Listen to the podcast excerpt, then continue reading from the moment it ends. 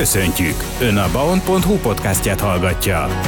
Az elmúlt héten már kaphattunk egy kis ízelítőt a tavaszi jó időből, és bízunk benne, hogy ezen a héten is hozzájárul majd egy kis napsütés a kimozduláshoz, ugyanis rengeteg színes programot kínál Kecskemét. A mai napon például minden szó egy történet, családi és szerelmi költemények délutánja címmel irodalmi versmondó napot tartanak a Lechner kávéházban ma délután 15 órától.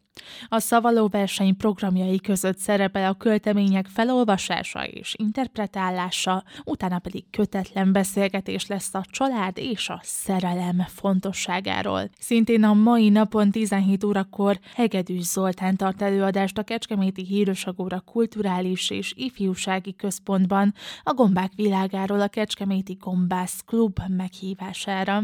A gomba tudomány legizgalmasabb, legérdekesebb pontjaiból fog szemezni részletni a diavetítéses előadáson, ami laikusoknak is érthető és élvezetes lesz. Szerdán, azaz Valentin napon, február 14-én délután 5 órakor a Katona József könyvtárban a Firenzében élő és dolgozó kis Eszter kötetét, őt magát és e sokak által álomszerűnek vélt várost ismerheti meg jobban a közönség. A szóban forgó kötet természetesen a helyszínen is megvásárolható lesz, lesz, melyet a szerző szívesen dedikál is az érdeklődőknek. A Marvel filmeket talán már senkinek sem kell bemutatni, hiszen hatalmas utat jártak be, és még ennél is nagyobb rajongótábort hódítottak maguknak, korra és nemre való tekintet nélkül. Így hát a Kecskeméti könyvtár sem hagyhatja ki, hogy egyik ikonikus darabjukról a Vasember szériáról értekezzenek, méghozzá a legközelebbi, azaz február 15-i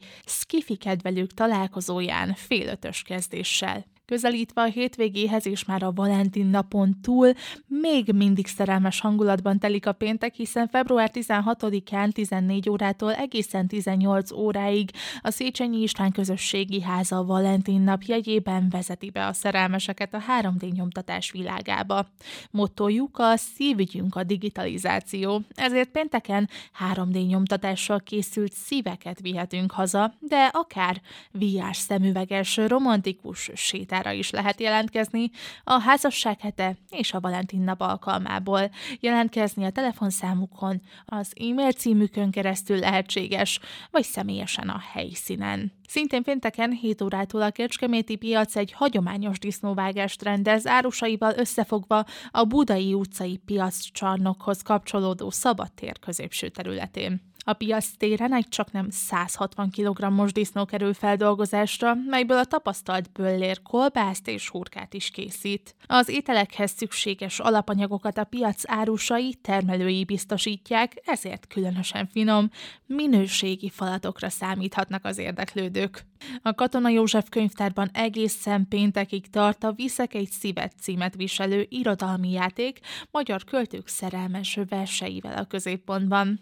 Össze kell párosítani a klasszikust és a kortás újragondolást, részletek a tini világban. És végül a könyvtár készül még egy érdekes témával, vagyis hogyan tudjuk megőrizni a házasságunkat.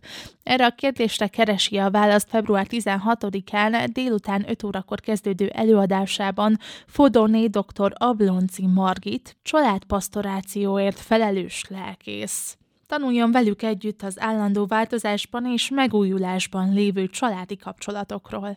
Egy kis különlegesség, hiszen a Hírosagóra a hétvégén rendezi meg immáron hetedik alkalommal a Kecskeméti World Expo ásványbőrzét és életmód fesztivált. A szombaton kezdődő kétnapos program célja, hogy minél szélesebb körben hívja fel a figyelmet az egészségmegőrzésre és a tudatos életmód fontosságára. A rendezvény lehetőséget ad, hogy az országos ásvány, drága kövekből készült ékszerek, ezotéria, természetgyógyászat és ökotermékek, technológiák képviselői képviselői, terápiás kezelések, alternatív gyógymódok, szolgáltatások, termékek, bemutatók, előadások formájában ismertessék látogatóinak, ezzel teret adva a pozitív gondolkodásnak, a tudatos életmódnak és az önmegvalósításnak.